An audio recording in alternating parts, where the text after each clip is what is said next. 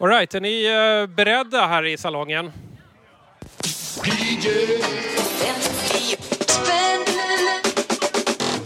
Det funkar.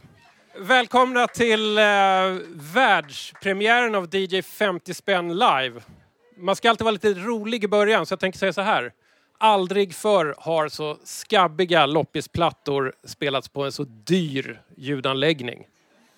Så det här är på sätt och vis historiskt. Kvällens gäst. Nu kanske du hörs? Ja, men hej. El Perro del Mar. Precis. Eller Sara Aspring som du heter i byråkratin. Ja. Jag ska inte vara långrandig här. Vi, vi ska faktiskt börja ganska rappt här med en eh, låt.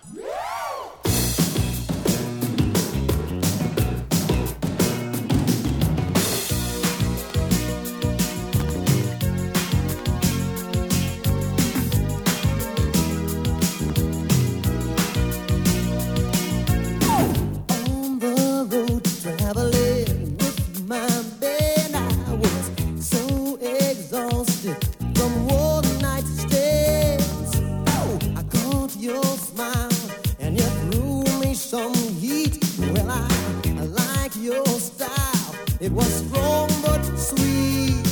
I fell for you right then and there. I didn't care who knew. I'd you anywhere.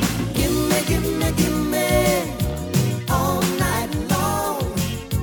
Give me, give me, give me, keep playing that love song. Ja, jag vet att ni undrar varför vi spelar Gimme Gimme Gimme med eh, Michael Walden. Jag återkommer till det alldeles strax. Jag ska bara säga, eh, om det finns några DJ 50 spänn noobs i publiken så är DJ 50 spänn eh, någonting så pretentiöst som en utgrävning på musikhistoriens avfallsplats. Jag heter Tommy Jönsson och jag har eh, de senaste fyra åren ungefär eh, intresserat mig väldigt mycket för billiga skivor på loppisar. Helst på vinyl, men då och då även CD.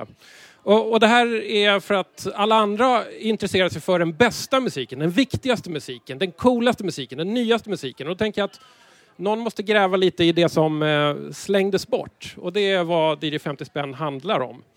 Och då går det till så här. Gästen, som idag är El Perro del Mar, Sara Aspring, får 50 kronor att köpa fem loppisplattor för. I fem olika kategorier.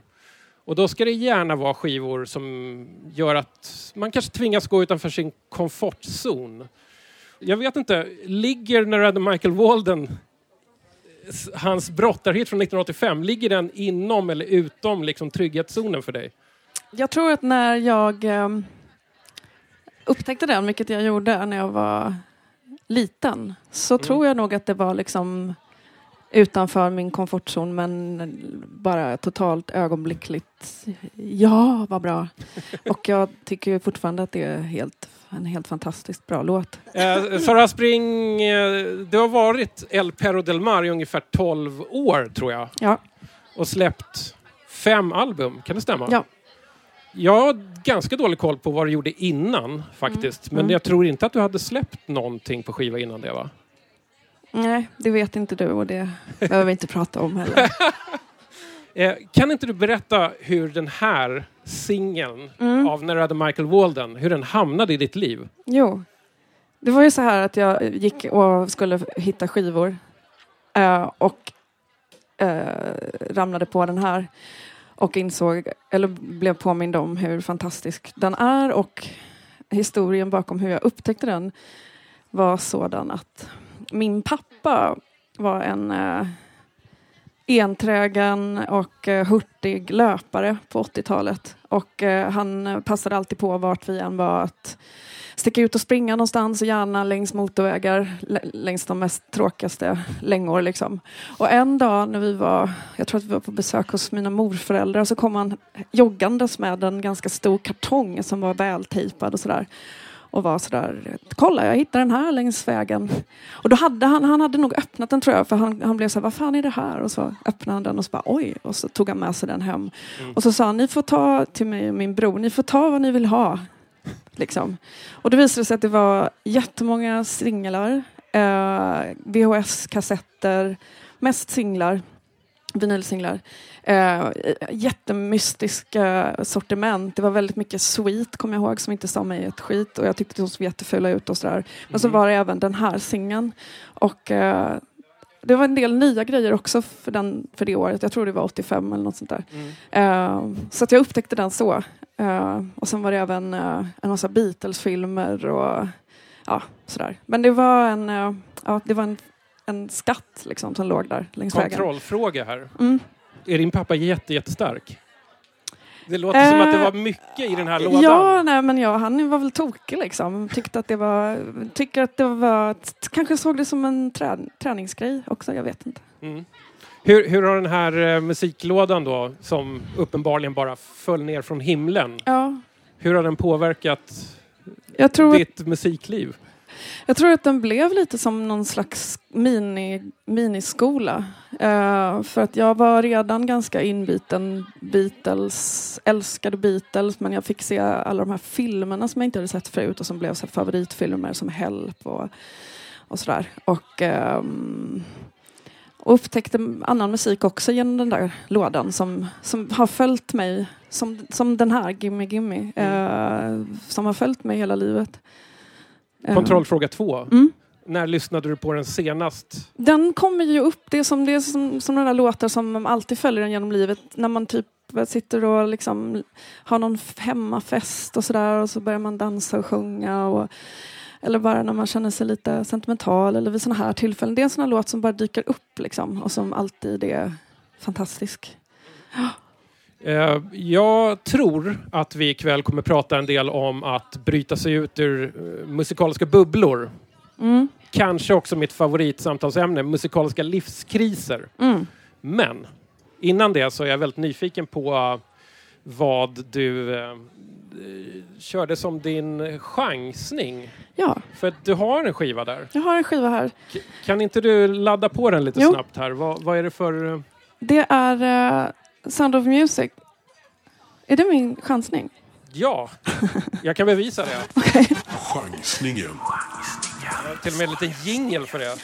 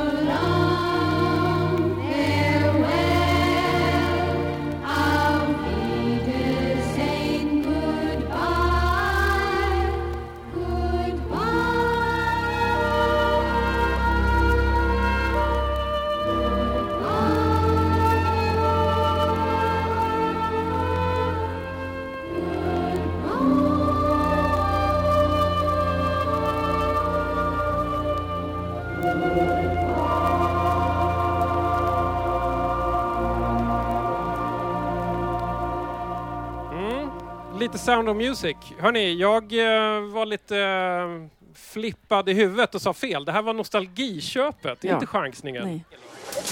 Nostalgiköpet. Jajamän. Ska vi prata lite om ditt nostalgiköp, Sara? Mm. Ja, När fanns den här skivan i ditt liv? eh, jag tror att den fanns när jag var 10-11, skulle jag tro. Mm. Då blev jag nog lite... Jag tror att jag upptäckte musikaler och tyckte att musikaler var skitbra. Du, du är en musikaltjej alltså? Eh, ja, om det finns en sån så är jag kanske det. Eh, Mm. Jag försvarar i alla fall musikaler. Men, känner du att du behöver försvara musikaler? Ja, väldigt ofta tycker jag nog att man behöver göra det. Mm, jag känner igen lite grann här. Det finns, eh, det finns ju en relaterad sak som kallas för teaterhataren. Känner du igen den Ja, figuren? ja, Som tycker att nu när det finns film, då behöver man inte ha teater. ja, Men då brukar jag försöka ibland att kontra med att nu när det finns skivor, då behöver ni väl inte konserter? ja. Jag vet inte om det passar ihop med musikaler, men va- varför, eh, varför började du gilla musikalerna då? Ja, men jag tycker att det är eh, en väldigt vacker eh, form av att mixa musik och bara det här att, att sjunga en dialog. Jag tycker att det är fantastiskt vackert. Därför att jag tycker att det eh, när det är bra, när det är bra gjort, då är det naturligt. Och jag tror att det var det jag upptäckte. Mm. Och jag tror att det är det som många värjer sig mot som inte tycker om musikaler, att det är onaturligt. Mm. Ehm, jag tycker inte det, men det, det, det kräver ju att det håller en bra nivå liksom. Och att det är bra, f- fina, fina stycken och fina texter och sådär. Mm. Hur uh, ratear du Sound of Music då, som Oj. musikal? Jag älskade Sound of Music när jag var liten så mycket. Idag när jag lyssnar på den så är den ju extremt eh, präktig. Men det är fortfarande väldigt fin det är väldigt fin musik och eh, det är en, också en väldigt söt historia. Um, så jag skulle nog ratea den ganska högt ändå tror jag faktiskt. Som en av de bättre. Liksom. Jag växte upp i ett hem som eh, var liksom musikaliskt befolkat av eh, storbandsjazz ibland, Mm. dansband ibland, finsk tango ibland. Väldigt lite på skiva. Ja. Det mesta var liksom typ P4-musik. Jag är alltid Ja. lite avundsjuk på de som växte upp i såna här hem med ins- musikinstrument och stora skivsamlingar. Hur Mm. såg det ut i ditt barndomshem? Um, jag hade en musiknördig pappa som älskade jazz framförallt och hade uh, väldigt mycket jazzskivor uh, från, ja, från 50 till framåt och väldigt mycket blues och uh, mycket klassisk musik och rock och ja, han var ganska väldigt bred, hade en väldigt bred musiksmak och älskade musik och älskade att lära mig om sin musik. Kan man säga. Vad är det bästa han har lärt dig då? Mm. Oj, vilken svår fråga. Faktiskt, för han har lärt mig väldigt mycket. Men han har lärt mig att gilla blues väldigt, väldigt mycket. Mm. Och det är också lite en sån här fuling, tror jag. En fuling? Ja, men att man, man får liksom inte riktigt säga att man gillar blues. ah, Mm. Det beror väl kanske lite på vilka du hänger med. Jo, men ja, jag hänger med fel folk tror jag. Ja. Du hänger med blues och musikalhatare. Vet du vad? Nej. Du kanske bara valt fel yrkesbana. Ja, Jag kan säga det här eftersom jag är, är någon slags eh, journalist. Och då och då hamnar jag bland grävjournalister faktiskt, bisarrt nog, på public service. Mm. Där har du några som älskar blues. Ja. På uh, sådana grävjournalistiska konferenser, konferenser så kommer det alltid upp så liveband där Hannes Råstam-typer spelar blues ja, tillsammans. men det är klart, Mm. tänker jag. Jag försöker, jag, ibland tänker jag, jag, ibland så ser jag mig lite som att jag ska skola människor lite grann och det är en ganska lite fånig tanke ibland, så jag försöker att akta mig för den. Men just när det kommer till så här, oj titta jag upptäckte en sån fantastisk låt här eller så fantastisk musik, eh, jag kan rekommendera det. Och det, ibland kan jag känna så med vissa så här, verkligen old school eh, pionjärer, Robert Johnson och Johnny Mm. Hooker och sånt där. Att det är fantastiskt bra musik. Eh, och så. Hör man någon blues i din musik? Ja, det gör man absolut. Jag tror, eller framförallt hör man det på min första skiva. Den är extremt, eh, den är ju liksom sprungen ur precis det. För jag tror att det var ungefär vid den tiden som jag började använda mig eller skriva musik ur liksom det klassiska katarsisformatet. Alltså bara älta, älta, älta tills det känns bra. Och det Ja. är ju vad blues är. Liksom. På tal om din musik. Eh, jag tänkte att vi ska gå ifrån formatets fem skivor här en liten stund. Och jag tänkte att vi ska lyssna på ett spår som är från ditt senaste album som heter Kokoro. Ja.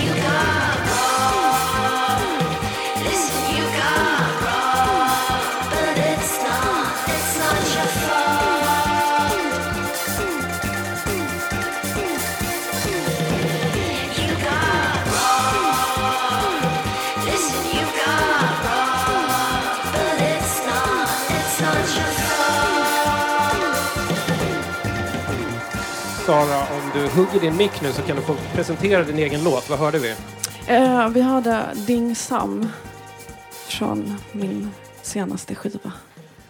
Ja, vet du vad? Det här låter ju väldigt mycket El Perro del Mar samtidigt som det inte låter som El Perro del Mar. Du tycker det? Vad var det som hände egentligen när du gjorde den här? Eh, jag tror att det var så här att jag, eh, jag var väldigt färdig med vad jag upplevde var mitt eh, referens, musikaliska referensbibliotek som jag har levt med sedan jag var tio till fram tills nu. Och det gick hand i hand också med vad jag upplevde var väldigt och ytterst västerländskt. Så att det var eh, ett, en reaktion mot mig själv och eh, vad jag själv tyckte mm, florerade runt omkring mig musikaliskt. Mm. Som jag inte tyckte var så roligt och som inte kändes så inspirerande för mig. Så då kände jag att eh, jag måste, jag måste söka inspiration och någonting som ger mig kick att fortsätta skriva musik. Hur märktes det i ditt, i ditt liv eller liksom i ditt lyssnande? Eh, jag tror att jag istället för att liksom vara en, eh, en musiklyssnare som har koll eller en musiklyssnare som eh, eh, försöker hålla mig, bara hålla mig uppdaterad på vad som händer för att liksom vara i ett nu som man behöver vara som popmusiker tror jag. Eller i alla fall inbilla sig att man måste vara. Så, um, så började jag uh, söka mig utanför uh, jag hade en startpunkt, eh, musikalisk startpunkt, men jag började att eh, söka musik på Youtube och eh, söka mig vidare ut i ett, liksom, ja, men lite som att gå till en eh, skivloppis och bara planlöst jaga, men eh, ändå försöka bygga upp ett helt nytt referensbibliotek bibliotek för mig själv. Mm. Och då söka mig utanför det som jag kallar den självklara västvärlden. Du, du, trött, på, trött på västmusik. Det hamnade Ja. någonstans långt österut då i, Ja, i musikinfluenser på något sätt. ja. Vad var din startpunkt för att komma dit då? Eh, Främst så tror jag min startpunkt var att jag började lyssna på indonesisk musik och framförallt gamelan-musik. Mm. Och började liksom fundera på vad jag skulle, vad jag skulle kunna, hur jag skulle kunna liksom översätta den kärleken och det instrumentet som både är harmoniskt men även väldigt rytmiskt och stökigt och en, eh, väldigt energiskt och klubbigt nästan. Så att jag tror det startade där men eh, sen så via det så hamnade jag på andra ställen och sen insåg jag att jag ska göra popmusik Okej. eh, och inget annat och den ska vara rak och enkel. Men jag hamnade vitt och brett kan man säga Mm. men upptäckte otrolig musik och upptäckte musik som fick mig att fullständigt bli förälskad i musik igen Mm. på ett helt nytt sätt. Mm. Jag, jag försnackade lite med dig och då frågade jag om du hade liksom någon låt eller någon särskild influens som det var som, som du hade fastnat lite extra för. Ska Mm. vi ta och lyssna lite på det? Ja,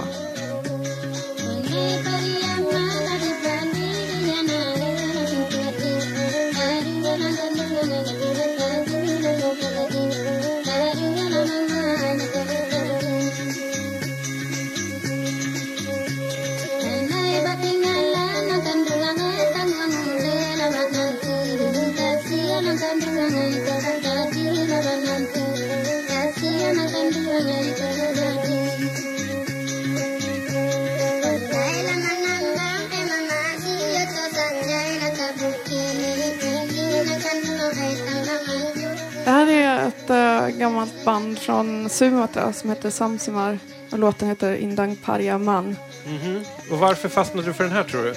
Därför att jag tänkte, det är väl det intressanta i det hela, att jag tänkte den, den är väldigt lång den här låten. Eh, och det, som är, det finns två beståndsdelar som jag tycker är helt uh, trollbindande och det är sången som låter som ett barn och en fantastisk eh, melodi och sen är det basgången som också är extremt monoton men den skulle, det skulle lika gärna kunna vara Velvet Underground.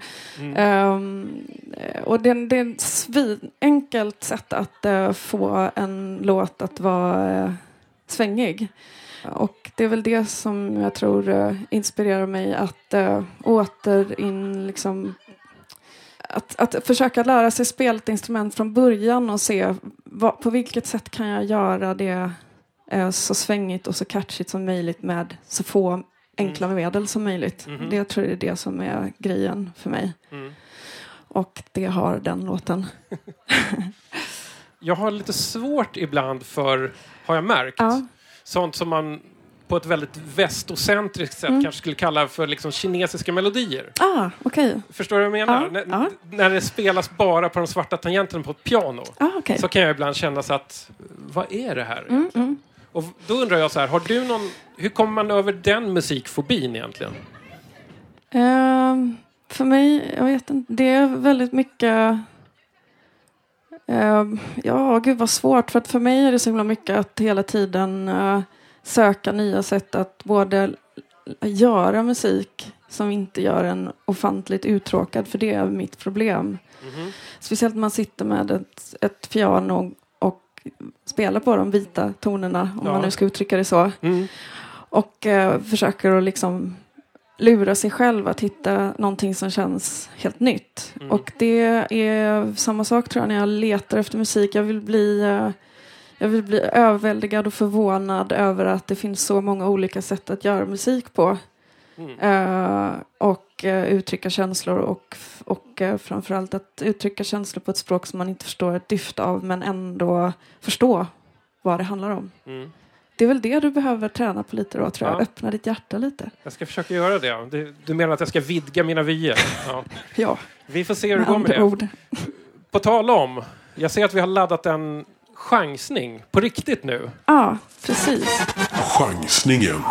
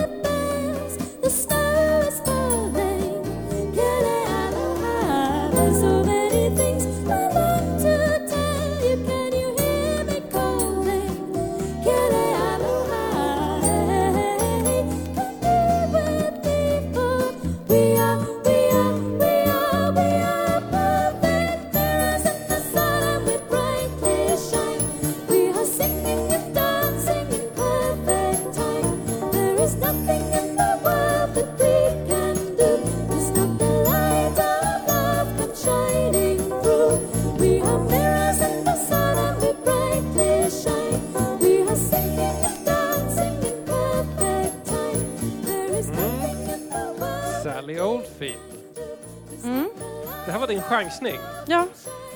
Vad fick dig att chansa på just Sally Oldfield? Eh, eh, jag blev introducerad för Sally Oldfield för inte så hemskt länge sedan. Eh, och jag var jätteförvånad över att jag typ hade missat henne. Jag hade kanske inte missat henne men jag var liksom inte riktigt medveten om vem hon var. Och så eh, köpte jag en av hennes skivor som heter Mandela som är en fantastisk skiva. Och sen så hittade jag den här. Så, och det här är faktiskt en liveinspelning. Det hördes nästan inte. Nej, för jag kände så här, jag, det var därför jag tog den. Jag, jag, jag tänkte jag måste höra hur hon låter live. Mm. Och eh, ja, så där låter hon live. Hon är klockren i varenda, överallt. Mm. Ehm, och som, ja, jag, jag valde henne av den anledningen, eller den skivan av den anledningen. Också för att jag tycker att hon är en sån här ganska förbisedd eh, artist och sångerska. Ja, Ehm, men jag kan hålla med. Jag, jag är lite svag för henne själv. ja, För, för mig är hon den perfekta mixen av Kate Bush, ja, Cat Stevens ja. och Enya. Ja, men Det finns något fantasyaktigt med henne. Ja, det gör det verkligen. Det är så sant. Jag har ju med den här grejen att jag vill att någon, eh, min gäst ska chansa på en skiva. Bara för att jag ska kunna på något sätt diagnostisera Mm. gästen. Jag tänker att vad, vad en människa chansar på, Ja. väljer en skiva som den här verkar spännande och plockar upp den. Det säger någonting om den personen. Men jag försöker liksom klura ut vad, vad säger om dig att du går och tar en Sally Oldfield-skiva? Jag vet inte. Det, det, det känns som att du var liksom positivt inställd redan innan. Ja, men det var jag ju. Eh, det var jag ju verkligen. Jag kan ju tillägga att jag var i eh, en skivloppis som var riktigt, riktigt dålig också. På vilket sätt dålig? Ja, men Den hade hemska skivor. Och då stack... Det, det ska vara hemskt. Ja, jag vet, men... Du, du ska bläddra förbi liksom fyra Roland Cedermark på rad och sen kommer det liksom ett Ja, och så kommer- och Sullivan. Och Då sen, kommer den. Ja. Och då... Och då blir det mycket härligare. Ja. Så det är ju kanske mitt svar på frågan då, tror jag. Ja. Ja. Men det var, hon är ju lite förbisedd, det kan jag Mm. hålla med om. Vad visste du om henne eh, sen tidigare? Eh, jag visste väl att hon var en, eh, en, en, sys- en syster till Mike Oldfield. Tubular Bells eh, Ja. mannen och att de hade något projekt ihop tidigt 80-tal, sent 70-tal kanske, jag vet inte. Mm. Ehm, och eh, att hon eh, gjorde...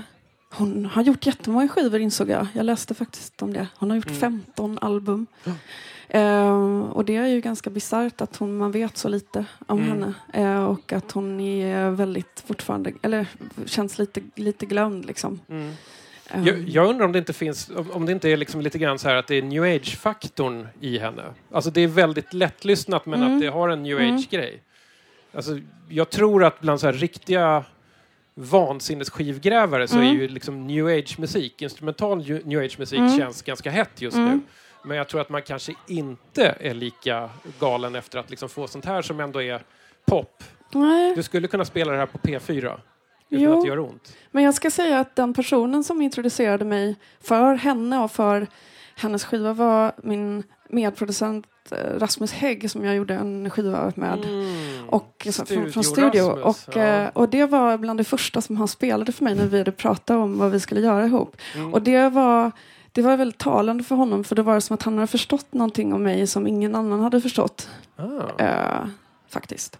Mm. Och, eh, och jag tror jag lyssnar på henne genom hans öron lite grann. Så att jag liksom hör inte riktigt new age på samma sätt. Jag hör någonting Mm. mer tror jag som inte är liksom Eh, ja, jag har någonting som känns eh, väldigt fritt och lekfullt och också ganska gränslöst. Liksom. Och det, är väl, ja, det kan, kanske man kan klassifiera som, som new age men jag kan även säga att det är bra.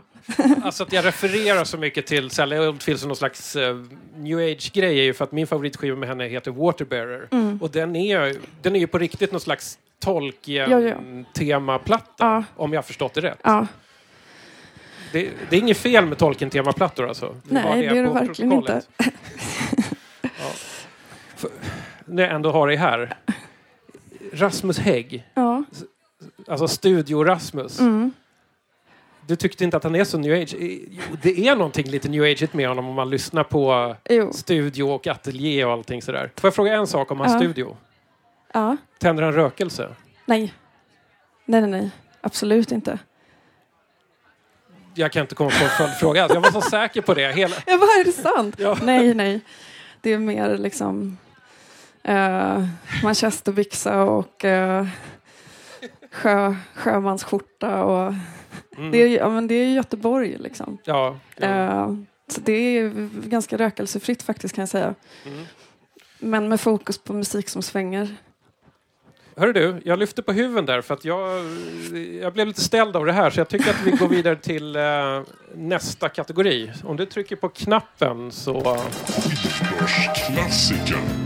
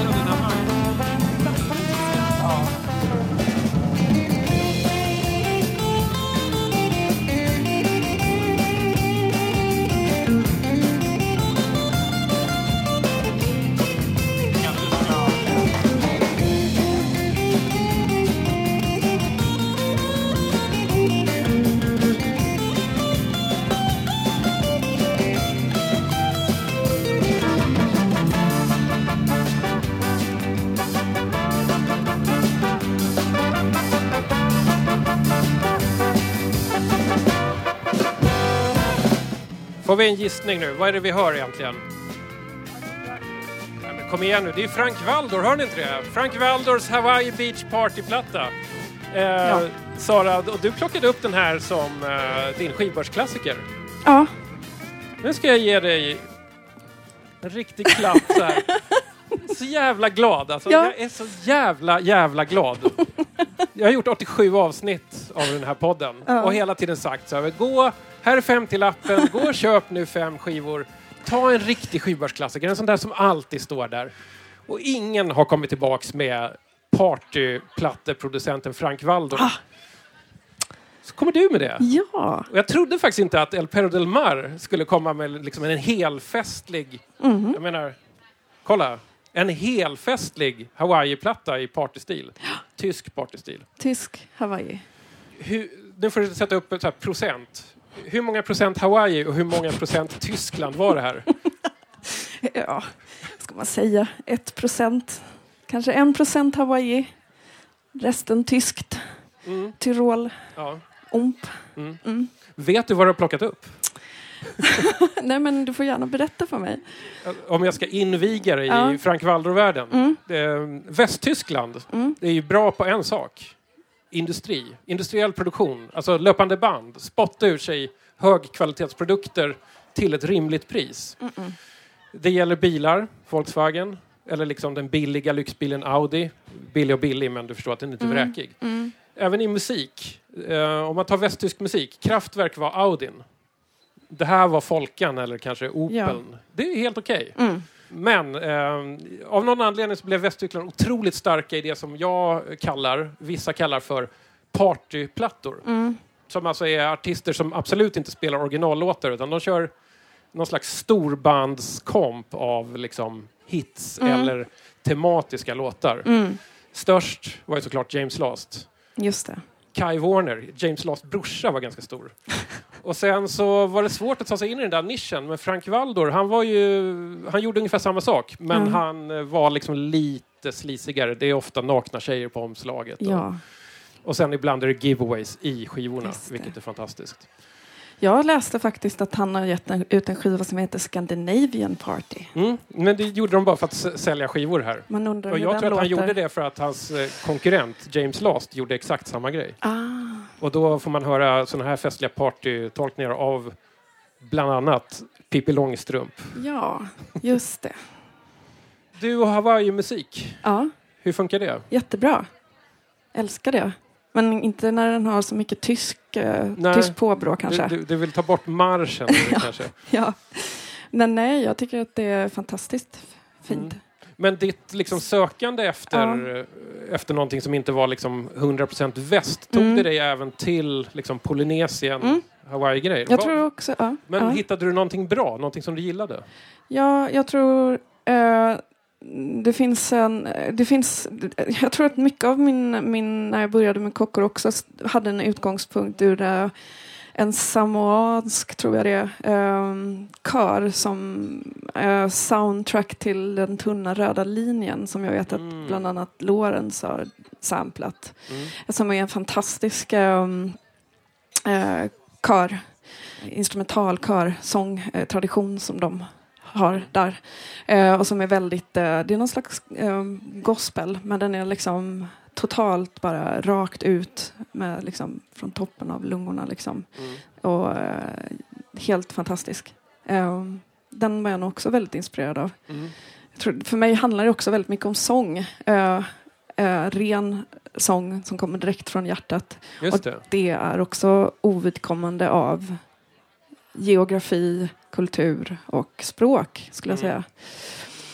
Eh, för jag, jag känner om man, om man eh, blir träffad av det så eh, då vet jag att det är bra. Liksom. Utan förklaring, bra. Ja, Mm. precis.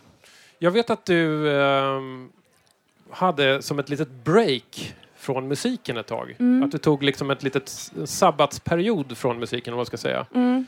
Vad, vad hände då? Jag, Och hur gick det till när du hamnade i det läget?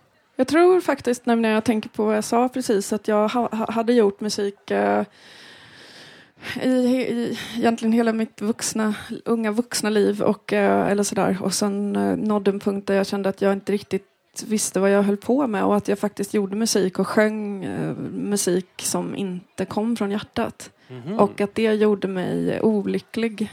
Och att jag kände att jag kan inte göra det. Eh, och sen eh, av andra skäl också som även hörde ihop med det så bestämde jag mig för att då tar jag ett total eh, break från musik i eh, att göra musik, att sjunga och eh, att lyssna på musik. Mhm. För jag var också väldigt eh, eh, neurotisk kring allt vad musiktrender heter vid den tidpunkten. Jag fick liksom eksem av det på riktigt. Och eh, då, då var det liksom som att jag behövde bara vara i eh, musikalisk eh, frizon liksom.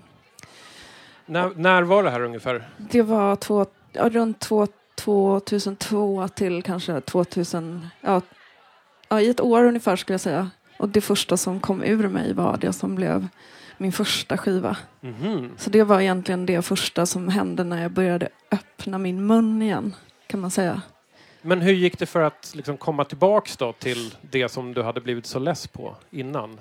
Kunde du nollställa dig på något sätt? Ja, jag gjorde nog det. Jag hade nog totalt gjort det och sen så kände jag att musiken måste ha en funktion för mig. Så jag tror att det var därifrån det här, hela den här blues-grejen också kommer som jag pratade om. Liksom att Mm. sjunga för att, eh, att göra sig själv eh, frisk eller för att besvärja någonting. Mm. Så eh, jag, jag behövde komma till botten till varför jag eh, varför det är viktigt för mig att göra musik helt enkelt. Och det är en sak som jag spenderar väldigt mycket tid med att uppdatera hela tiden. Vilket också har någon slags förklaring till varför jag kanske inte låter likadant jämt och ständigt. Hörru du, ska vi hoppa över till eh, nästa kategori här av dina Ja. skivor? Uff, vet du vad? Mm. Det är dags för den läskiga. Random access.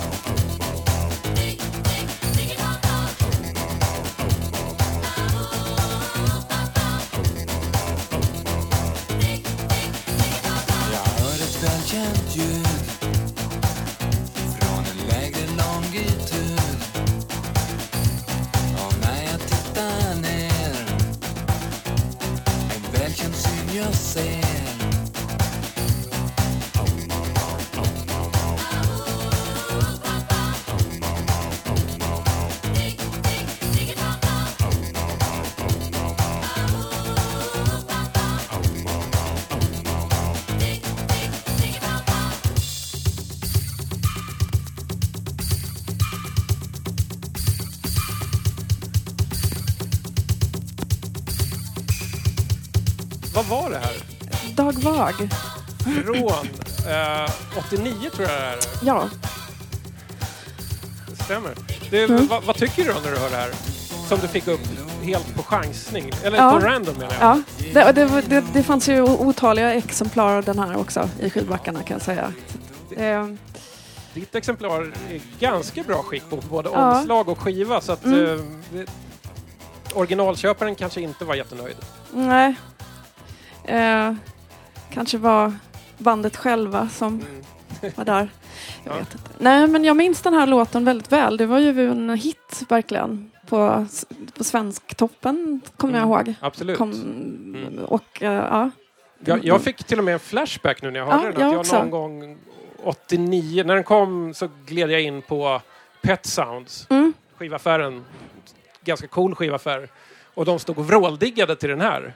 Och jag skulle ju egentligen köpa en skiva med Skinny Puppy eller någonting. ja, ja, just det. Så jag var- förstod ingenting. Det var inte så att du köpte den här då? Jag gjorde ändå? faktiskt inte det. Nej. Men vad fick du för uppenbarelse då? Eller Eh, för flashback? jag, jag, jag minns mitt flickrum och uh, spela in eh, låtar på kassettband från Svensktoppen och att jag Mm. tänkte nej, jag struntar i den här. För att jag tyckte att den var lite fånig. Men jag tyckte att den var lite snuskrolig också. Men att den var ganska fånig. Det är ju li- alltså, allting med Dag Vag har ju en, liksom, ett uns av buskis i sig Ja, på något sätt. ja, Någon slags proggig buskis. ja, Jag tycker ändå att de får plus här för eh, lite otippade afroinfluenser. Jag tror inte Ja. att så många svenska artister 89 nej, körde blås arr på det här sättet till exempel? Förmodligen inte. Jag läste att de kallade sig själva för transkontinental rock-reggae. Jag kan, jag kan inte svara något smart på det. Det är klart att det är transkontinental rock-reggae.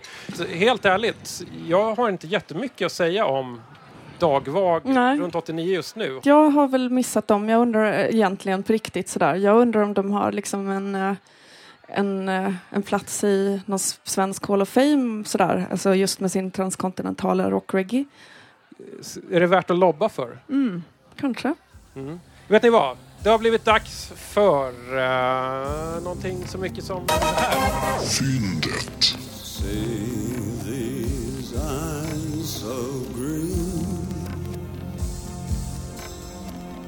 I can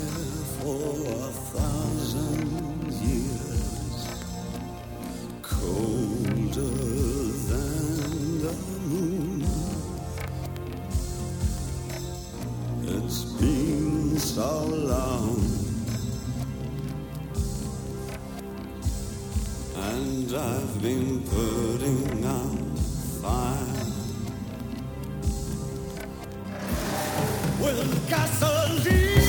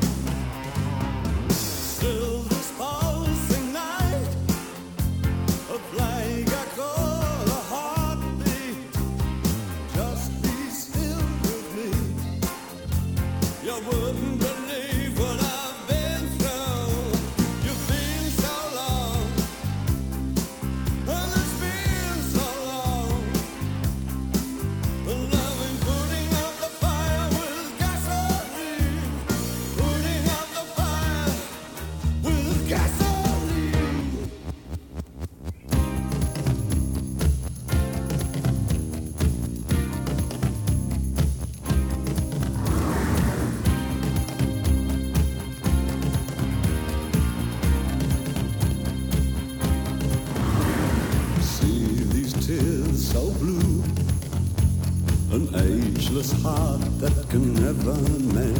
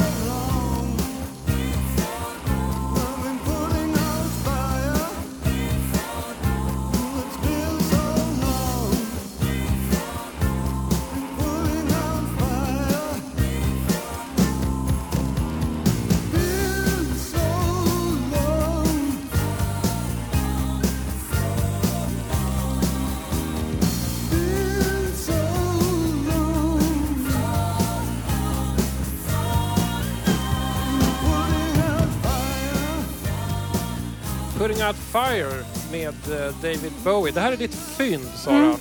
Varför är det ett fynd för dig? Men jag tror att det är att, eh, eh, på grund av eh, att jag var där jag var och stod där med alla de här Roland Cedermark-skivorna och Dag Vag och så. så, så stack ju den, denna ut och gjorde mig också påmind om att jag ehm, älskar låten och älskar David och ehm, Mm. ja. Och då kändes det som en, eh, ett fynd, verkligen. Vad gjorde du när du fick veta att eh, David Bowie hade gått till de sälla jaktmarkerna? Jag grät faktiskt. Hur fick du reda på det? Jag tror att jag såg det på, på något socialt medie eller någonting. Tror jag. Grät du öppet eller stängde du in dig och grät? Nej, jag satt, nog i, jag satt nog hemma i min soffa och väntade på att mitt barn, min, min son skulle nattas och satt själv och liksom väntade på att jag skulle meddela min sambo samma sak och visste att han också skulle bli knäckt. Mm.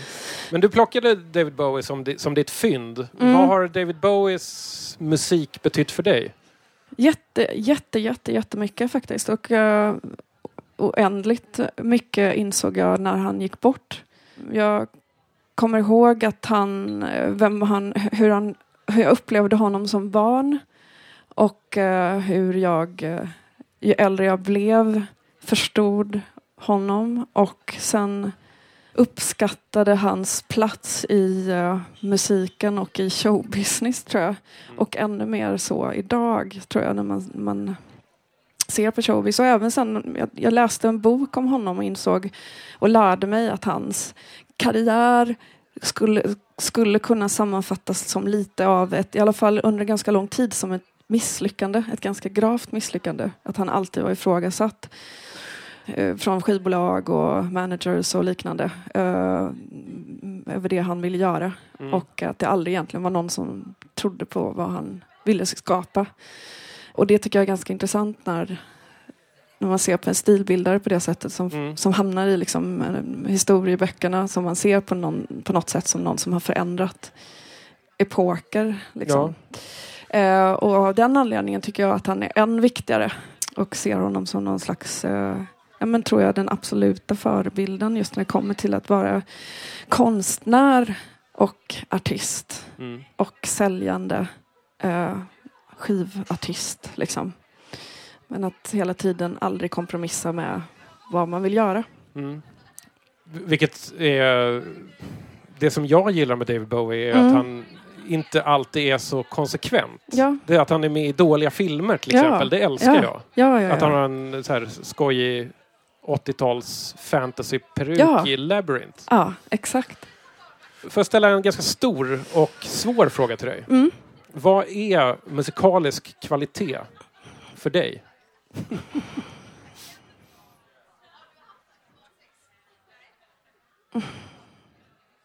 Ehm, det tror jag, någonstans så tror jag att det har att göra med, om jag ska svara snabbt, med eh, ärl, ärlighet och eh, uppriktighet och ehm,